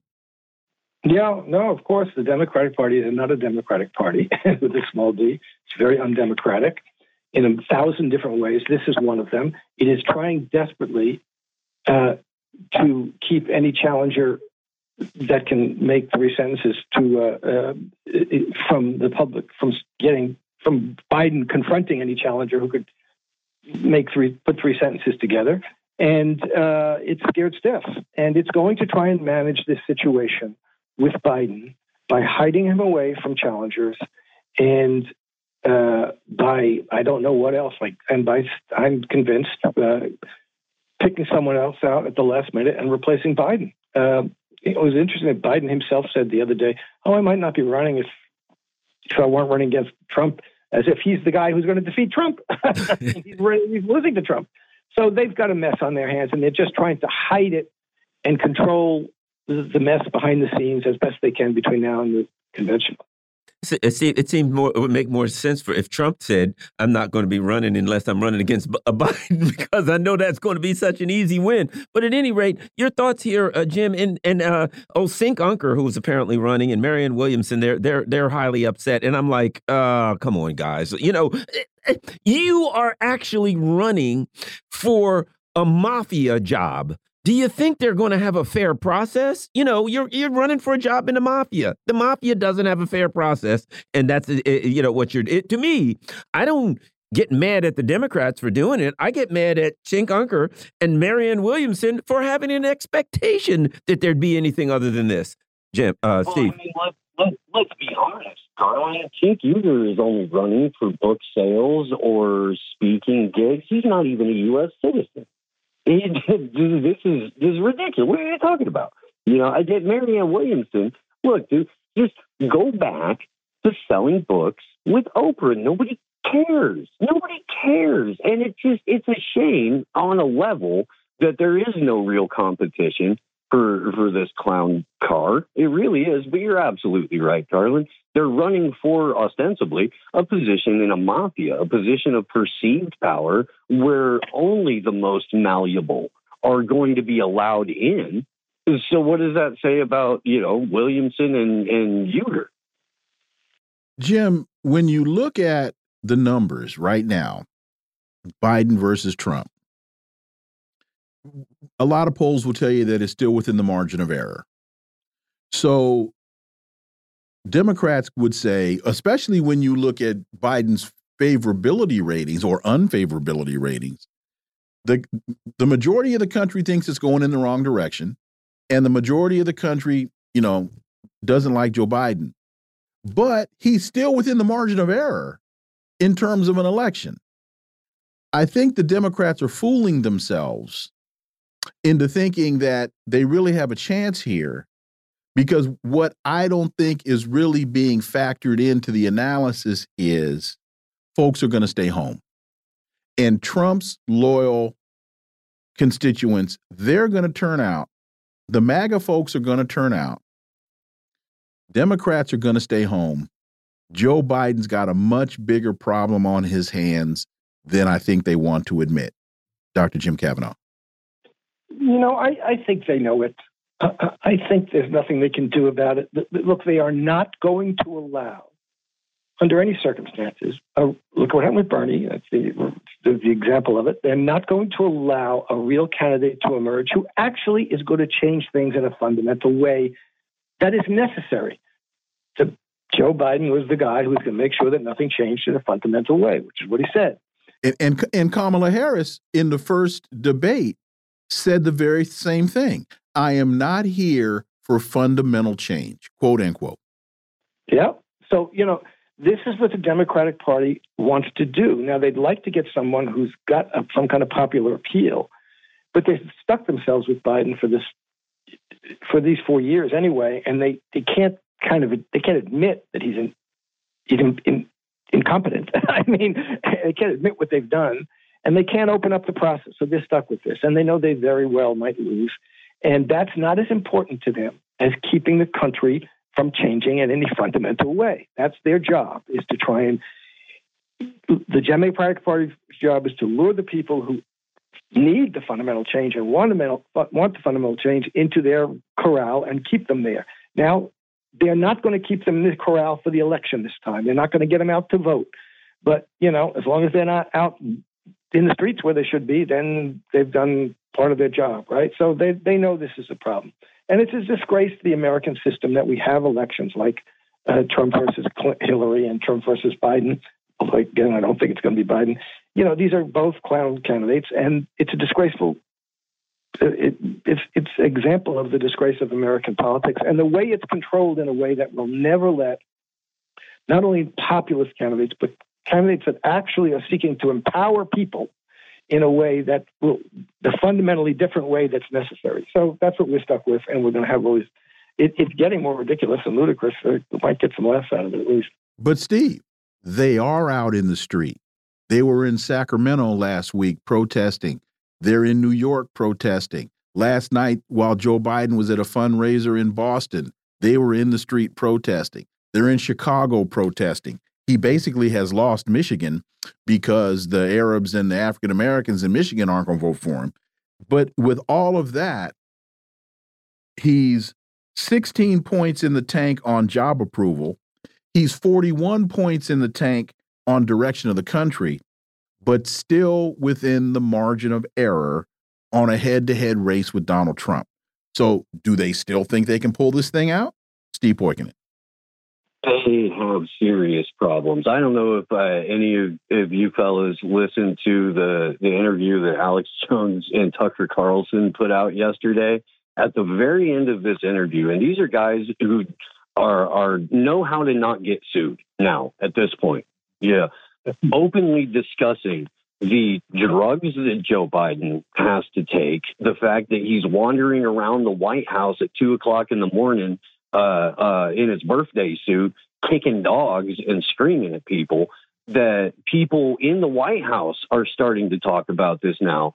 So, I mean, this is going to become a real problem. The, we can't ignore the serious cognitive decline of a sitting U.S. president like this. It's going to become very, very dangerous for the Democrats to continue to try to put this forward because they're going to have to justify whenever they do pull the old switcheroo the previous four years. People are going to go, where, who was in charge? who was making the decisions, who was running the country. There's going to have to be a, a, some sort of reckoning for that, and whether it's people in the streets or whether it's people at the polls or whether it's people, you know, reacting in any different way, what where what it's going to result in is the possible destruction of the Democratic Party. You can't put a brain addled, demented fool out for four years and then tell those people, oh, by the way, trust us with the country again. And Jim, the other thing is, I think what it'll come to uh, uh, bring people to realize a reality, and that is that the government of this country represents the elite ruling class. That what they thought is a democracy is just the top down. They don't represent us. The problem is it's getting more obvious, Jim. Yeah, well, since that famous 2016 study where the, the Princeton and Northwestern, they showed that the policies that are enacted are always the policies of the donor class and never the policies that are popular. And we it's come to a ludicrous point that Steve very, very well pointed out. I'm going to see this this uh, Tucker Tucker and Alex thing, but uh, you know everybody knows Biden has lost it, and it's nuts. And uh, uh but and I, I 100% agree with you, Wilmer. People are out in the street. They're out in the street for issues, and they're trying to push back on issues. But the problem is, it's hard even to find the target in terms of the United States government because it's not really Biden, as we say. You know, who's making the decisions? Who controls the things? And what we need is some kind of political movement that is sharply focused on the control of the ruling class and who that ruling class is and what their function is and how to get rid of them, and political parties that fight for we have to reconstruct the electoral system so that you can because otherwise there's no use in it in any of it. You know, right now it's a joke. You know, you, you don't you can't you've got to be able to have a political an electoral contest contest contest in which you can have the possibility of winning seats and winning things, and you've and you've got to change a whole set of structures here. And it's very hard to conjure up a political movement that's going to do that in the United States now. So I think to a large extent, I hate to say it, but we're we're trapped in a clown show. I'll say this: I think that um, if you look at what's happening with the Gaza protests, as the protesters start to direct their ire at various corporations, they're getting it. What they're understanding is that our so called leaders work for these corporations. They're guided by these corporations. They work for their money. So as these protesters start saying we're going after X corporation, we're going to stop, uh, you know, you know, buying stuff from this or that corporations. I think they're the closest ones who realize it is a corporate oligarchy, and if I make the corporations pay, the really the the ones who are um, funding everything and calling the shots, that maybe I'll get some results because going after these puppets means nothing. They, but, in fact, they're um, they're protesting a Biden fundraiser. Doesn't make any difference. They'll just take that money and give it to Gavin Newsom. They don't care about a Biden fundraiser. But those who go after the corporations are understanding who the real bosses are. We've been talking about the whole show. It's the public-private partnership, and people have recognized it, and they're starting to to do something about it. Steve Poikonen and Dr. Jim Kavanagh, gentlemen, as always, thank you so much for your time. Greatly, greatly appreciate that analysis. And we look forward to having have a wonderful weekend. And we look forward to having you guys back. Thank, thank you so much. Folks, you're listening to the Critical Hour on Radio Sputnik. I'm Wilmer Leon. I'm joined here by my co host, Garland Nixon. There's more on the other side. Stay tuned.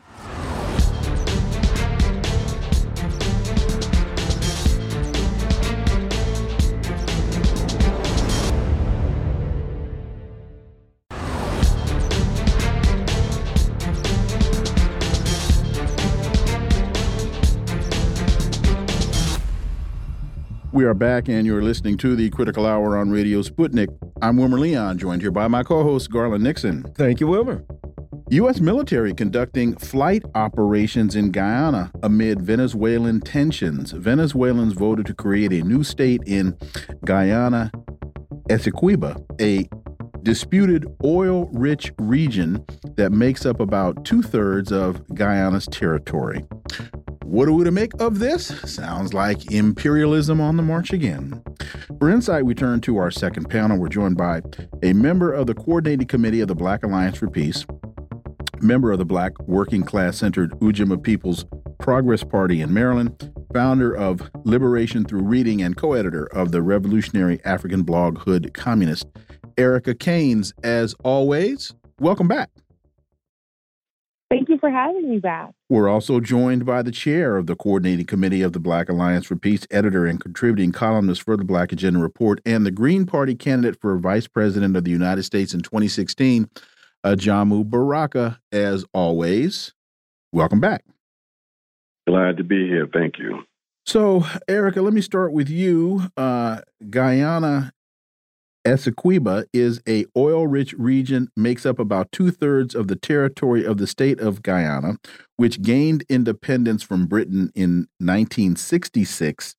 In 1899, an American British tribunal ruled that the territory belonged to the UK, a position that was rejected by Venezuela. The U.S. military said yesterday it would conduct flight operations in Guyana amid tensions between the Caribbean nation and its neighbor Venezuela over the disputed region. And your your thoughts on what and we know that I think it's ExxonMobil that is um, looking for oil leases to start drilling off the coast. Uh, Erica, imperialism on the march again? Yeah, well, so I, I think you laid out some good context um, but I also think that the ruling or the decision made in 1969, um, when Guyana had a more socialist leaning uh, government under the PPP, um, I think that that is a significant uh, moment because since then, uh, both Guyana and Venezuela have been pursuing diplomatic options um, around the, the issue of the borders in that land. And also, Essequibo uh, is um, primarily indigenous and African as well, um, and also oil-rich territory. And I think uh, a couple months ago, it was reported that you know they found oil in Guyana. Um, so obviously, this is of interest for the U.S. Laura Richardson of Southcom um, in October uh, made a statement about the Guyana, the interest that the U.S. had in Guyana, um, and and sort of projected the overall GDP growth within the next five years. So we see that Southcom in the U.S. does have a significant interest. And it is, it's really not an exaggeration or an understatement to note how drastic of a change it is uh, within Guyana's politics and policies for any Guyanese politician to openly advocate for some form of Western intervention. Um, but I think the conditions um, that led to this referendum um, has really has really led to uh, a, sort of uh, Guyanese nationalism because uh, it's understood that it is Guyanese land.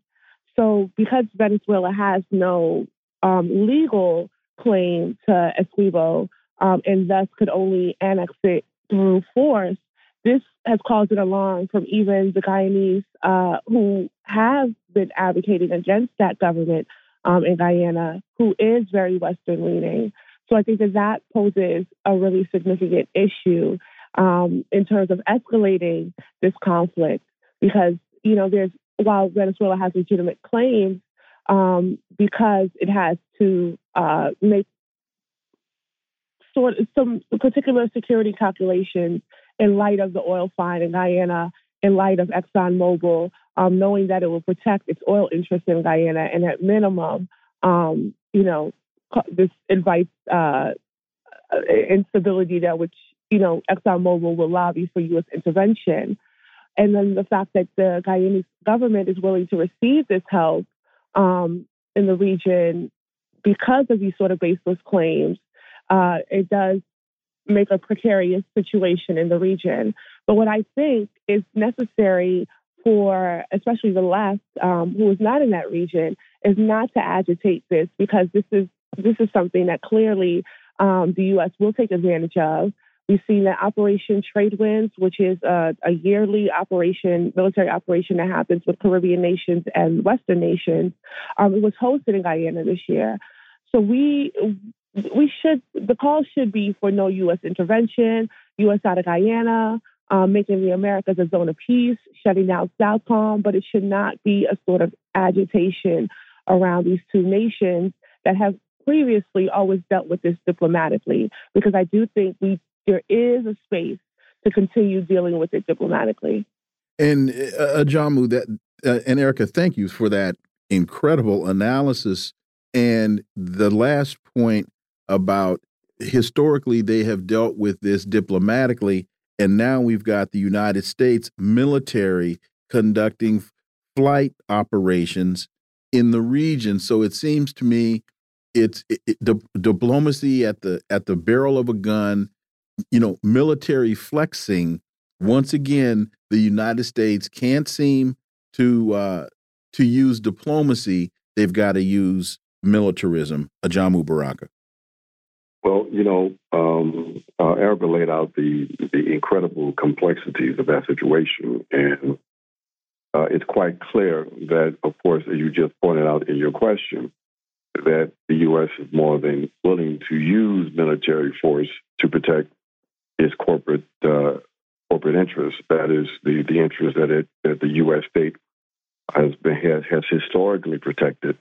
Uh, as these corporate entities have uh, spread their, their, tentacles across the planet. The but Erica also laid out that this kind of militarism can't just be understood um, at that level.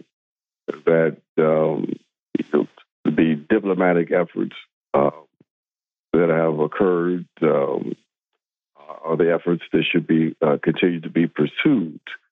Uh, there's a question of of to what extent uh, the move uh, made by Venezuela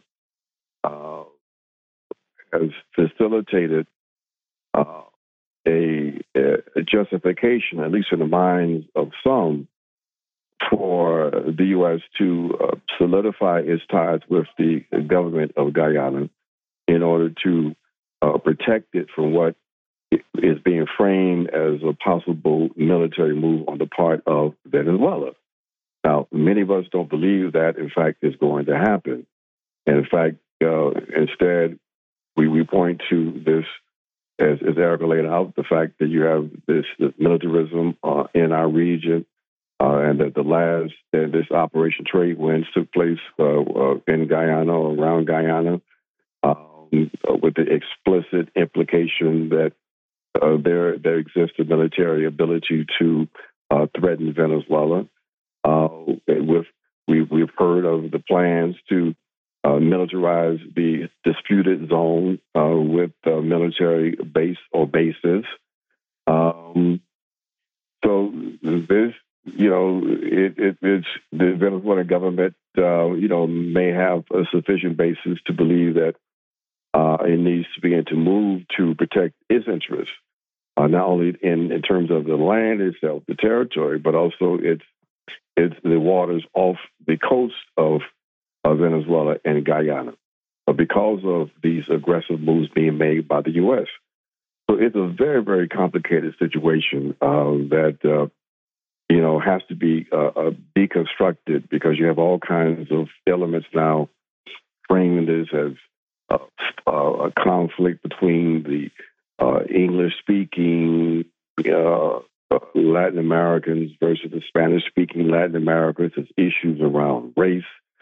Uh, so it's a, it's, it's a complicated situation that unfortunately just can't be reduced uh, to the notion of uh, imperialist intrigue, even though that is a major factor in what's driving um, this issue there. Uh, uh let me uh, throw a couple things out that we've reported this week. Number one, and I'll, I'll, I'll connect them. President Putin was in the uh, Gulf states meeting with some of the various oil producing countries, and he was pretty much welcomed as a hero. Uh, Burkina Faso, they decided this week that uh, France, or last week, Fr French is no longer going to be their official language. Here's my point. As Africa, the Middle East, and other parts of the country, other oil producing and, and um, natural resources rich regions start to, you know, eject U.S. and French imperialism, I think it can be expected. Here they're they're going to Latin America, and what's their oil, natural resources that we can expect them to focus their military and uh, arms, their soft power, et cetera, on other parts of the world and try to be more successful in other parts of the world in grabbing natural resources from others. What are your thoughts on that, um, uh, Erica? Yeah, well, I, I don't think that this is a, a sudden turn because of what's happening in other regions of the world. I think that this is, is a consistent um, placement. The Monroe Doctrine turned 200 years on December 2nd. Uh, when Biden came into office, one of the first uh, mentions of Latin America was that he was no longer going to view uh, Latin America and the Caribbean as uh, the backyard, but instead the front yard. So there there's always been this pivot, and then also um, the American Compete Act really lays out the the interest that it has not only for these oil-rich and um, resource-rich nations, but as as a way to disrupt any influence China and Russia may have on the region. So we've seen Southcom, um, like I, I, mentioned, Operation Trade Winds, but we've seen Southcom expand, um, especially currently in, in Peru.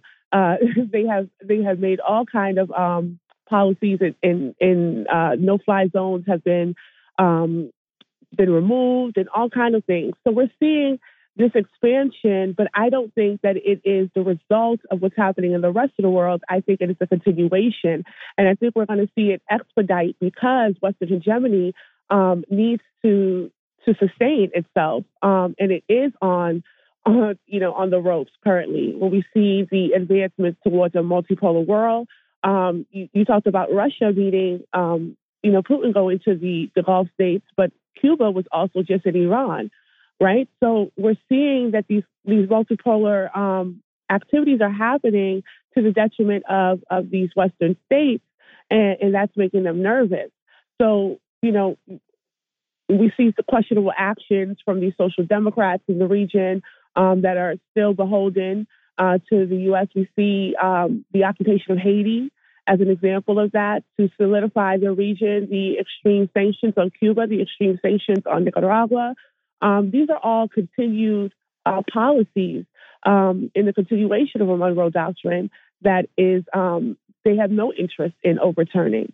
So I think that they are definitely trying to protect um, their legitimacy in the region and protect their interests in the region. And we're seeing that play out in different ways, primarily um, in these sort of land struggles that they're in, that they're now um, primarily invested in, in, in ways of, of being able to extend uh, U.S. intervention, but primarily have a, a, a, military presence in the region, a continuous one. Ajamu, in your response to Garland's question, and let me add one thing to that.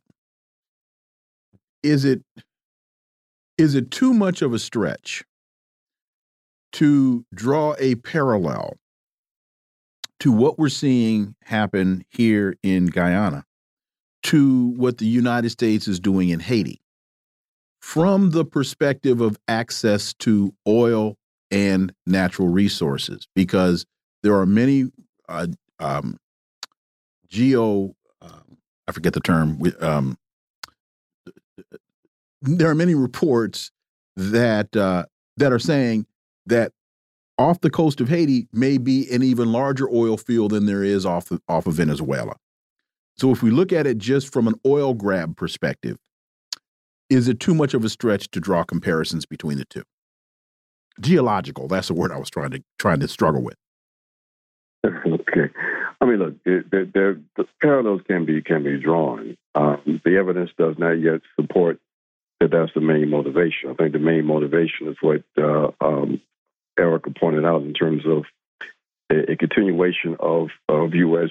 geostrategic policies in the in the region that uh, they believe will uh, ensure their continued hegemony, and, and that means that, and as and, and, the policies have have led to the uh, the commitment to undermine uh, the the role of uh, and standing of Venezuela as a, a driving force for regional autonomy, uh, and it it will continue in terms of these the possibility of of uh, uh, tapping into and exploiting the oil reserves off the coast of Guyana uh, or in Haiti or any other place.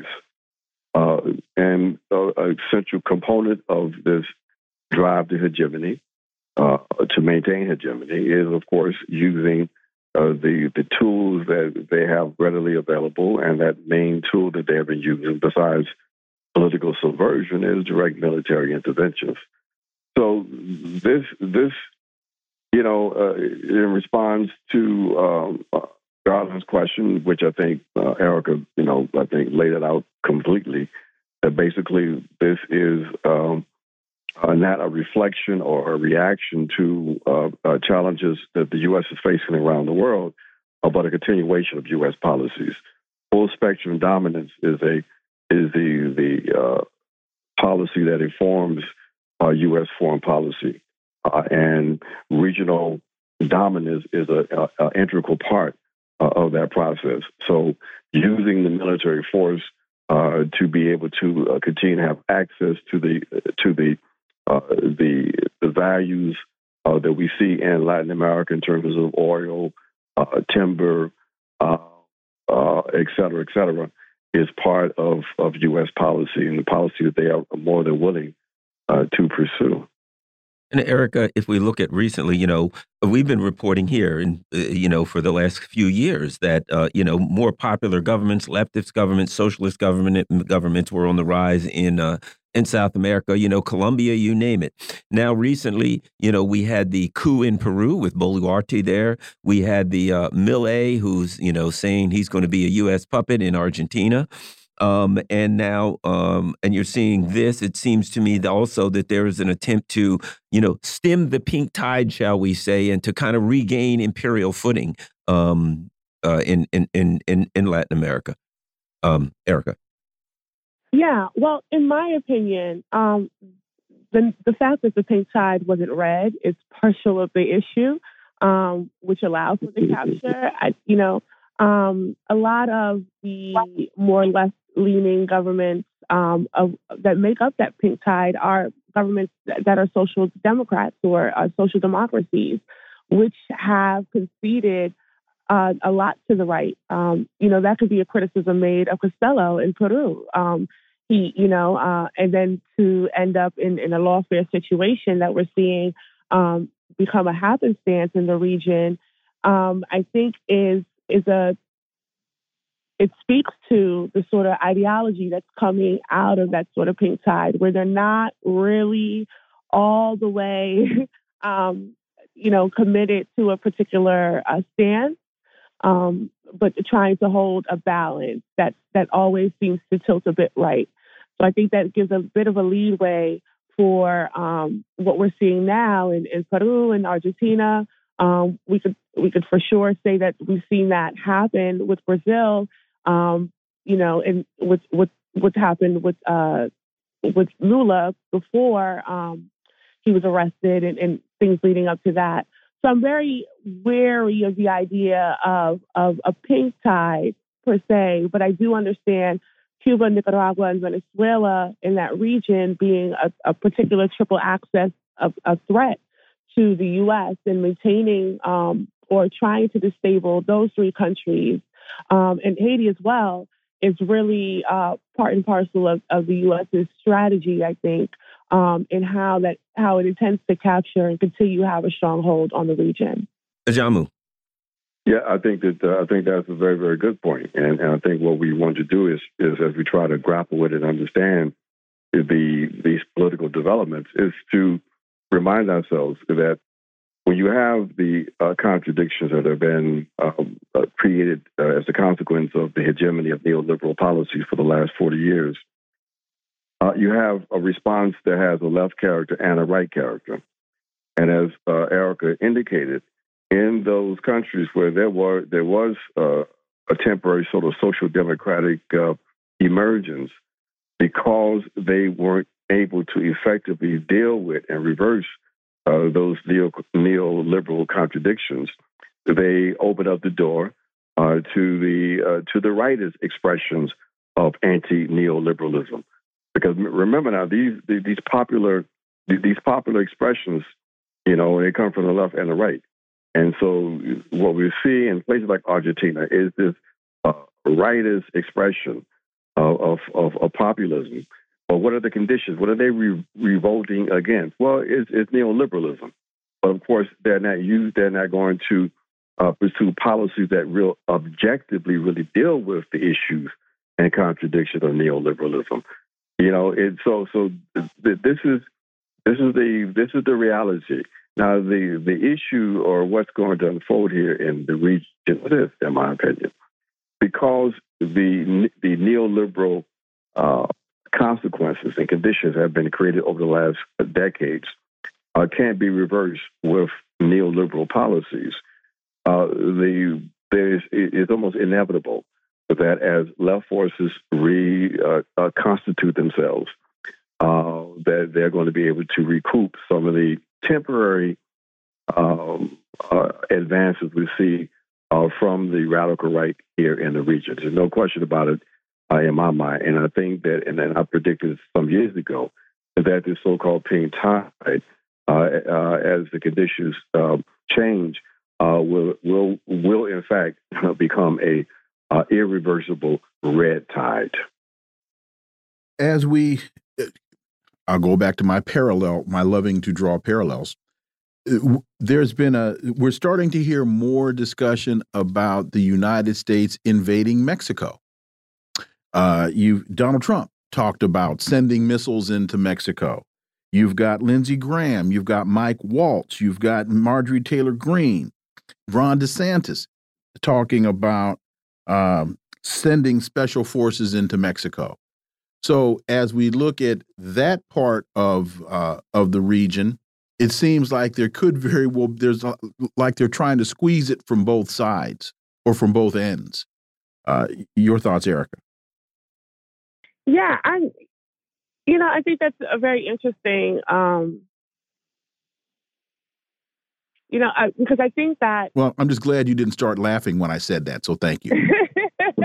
I was trying to think through it. Um, because I think that what we're seeing, especially in terms of Mexico, um, again, that raises the question around the pink tide and, and social democracy. I know Correct. That, very exactly. Yeah, I know people are very excited about um, about you know the, the leadership in in Mexico, um, especially here on the left in the U.S. because um, they're not you know rightist. Um, but I do think it calls into question um, the type of policies that's coming out of there, especially in regards to when we talk about Haiti. Um, before Kenya was tapped um, into occupying, Mexico was asked to play the role that Brazil had once played. So, you know, we have to think about in terms of, of what these the character of these nations mean. Um, so I think it's it's when we hear rhetoric from Trump, which is you know Trump Trumpisms and such. Um, you know, I think the point of that is to agitate or to give way to a particular type of politics that is, um, I guess, projected onto the nation. Uh, but I think there should be a, a, more critical eye about what's actually happening policy wise in Mexico, especially um, in terms of the overall region. And same question to you, uh, Ajamu, and, and what, you know, when we look at it, a lot of what we're hearing from Republicans right now has to do with uh, the response to eh, quote unquote immigration. But when you look at where these immigrants are coming from, uh, the countries that they're coming from, it just it it make it. I have this visual again of of squeezing whether it's Central America, whether it's South America, squeezing it from both from both ends. Y your thoughts? Yeah, I don't think I think that we we we can basically dismiss that kind of rhetoric uh, coming from uh, those elements in the Republican Party and even some in the Democrat Party because uh, they're not going to destabilize the Mexican economy. I mean, it plays such an important role uh, for the U.S. economy. Well, they already have through NAFTA, at least agriculturally, anyway. Well, uh, we see again when one says destabilize, yes, they have destabilized the Mexican agricultural sector to the benefit of the U.S. Correct. agricultural sector. Yes. So that that that that is a material interest that they want to continue, not only in terms of agriculture but also the industrial production. So they're not going to undermine the relationships that they have between the U.S. and, and Mexico. They are very uh, lucrative relationships. So even though there are some political differences and and the Republican Party, and even now Biden with his wall, uh, you know, deal with this issue of, of immigration. Uh, that's that's for public uh, discourse. You know, the, the the the flow of immigrants coming into the U.S. Uh, is is is been is been managed to a certain extent, uh, but as part of the the agricultural and industrial policies of the U.S. It's part of labor management. No one's going to cut off completely uh, immigrants, immigration, uh, legal or otherwise, coming from the south into the north. Let, wait a minute, let me jump in really uh, quickly because we, we, we got just about a minute and a half. But as we look at China's growing influence in Central America, in in Nicaragua, for example, China's growing influence in in Central America, doesn't the United States see that as a threat? And beyond the the the economic benefits, they they see China in the region of course, they see China in the region, not only in Central America, but also in, in, in right. the rest of the Americas. Yes. yes. But, you know, they also have their own objective interests that they don't want to undermine precariously. I mean, you, you have some elements in the foreign policy. We got 30 seconds. They're not they're, they're, not so reckless as to undermine the longer term interests okay. of the U.S. economy. So okay. I'm saying we can miss that. And, and and I'll say this: I think there's a move afoot to intimidate um, the Mexican leadership because uh, they haven't been going along with what U.S. With imperialists wants. Uh, uh, Erica Caines and Ajamu Baraka, thank you both so much. Enjoy your weekends as always. We look forward to having you back. Folks, you've been listening to the Critical Hour here on Radio Sputnik. Thank you for allowing our voices into your space. On behalf of myself and my co host, Garland Nixon, we hope you were informed and enlightened. And we look forward to talking with you all right here next week on Radio Sputnik. Be safe. Peace and blessings. We're out.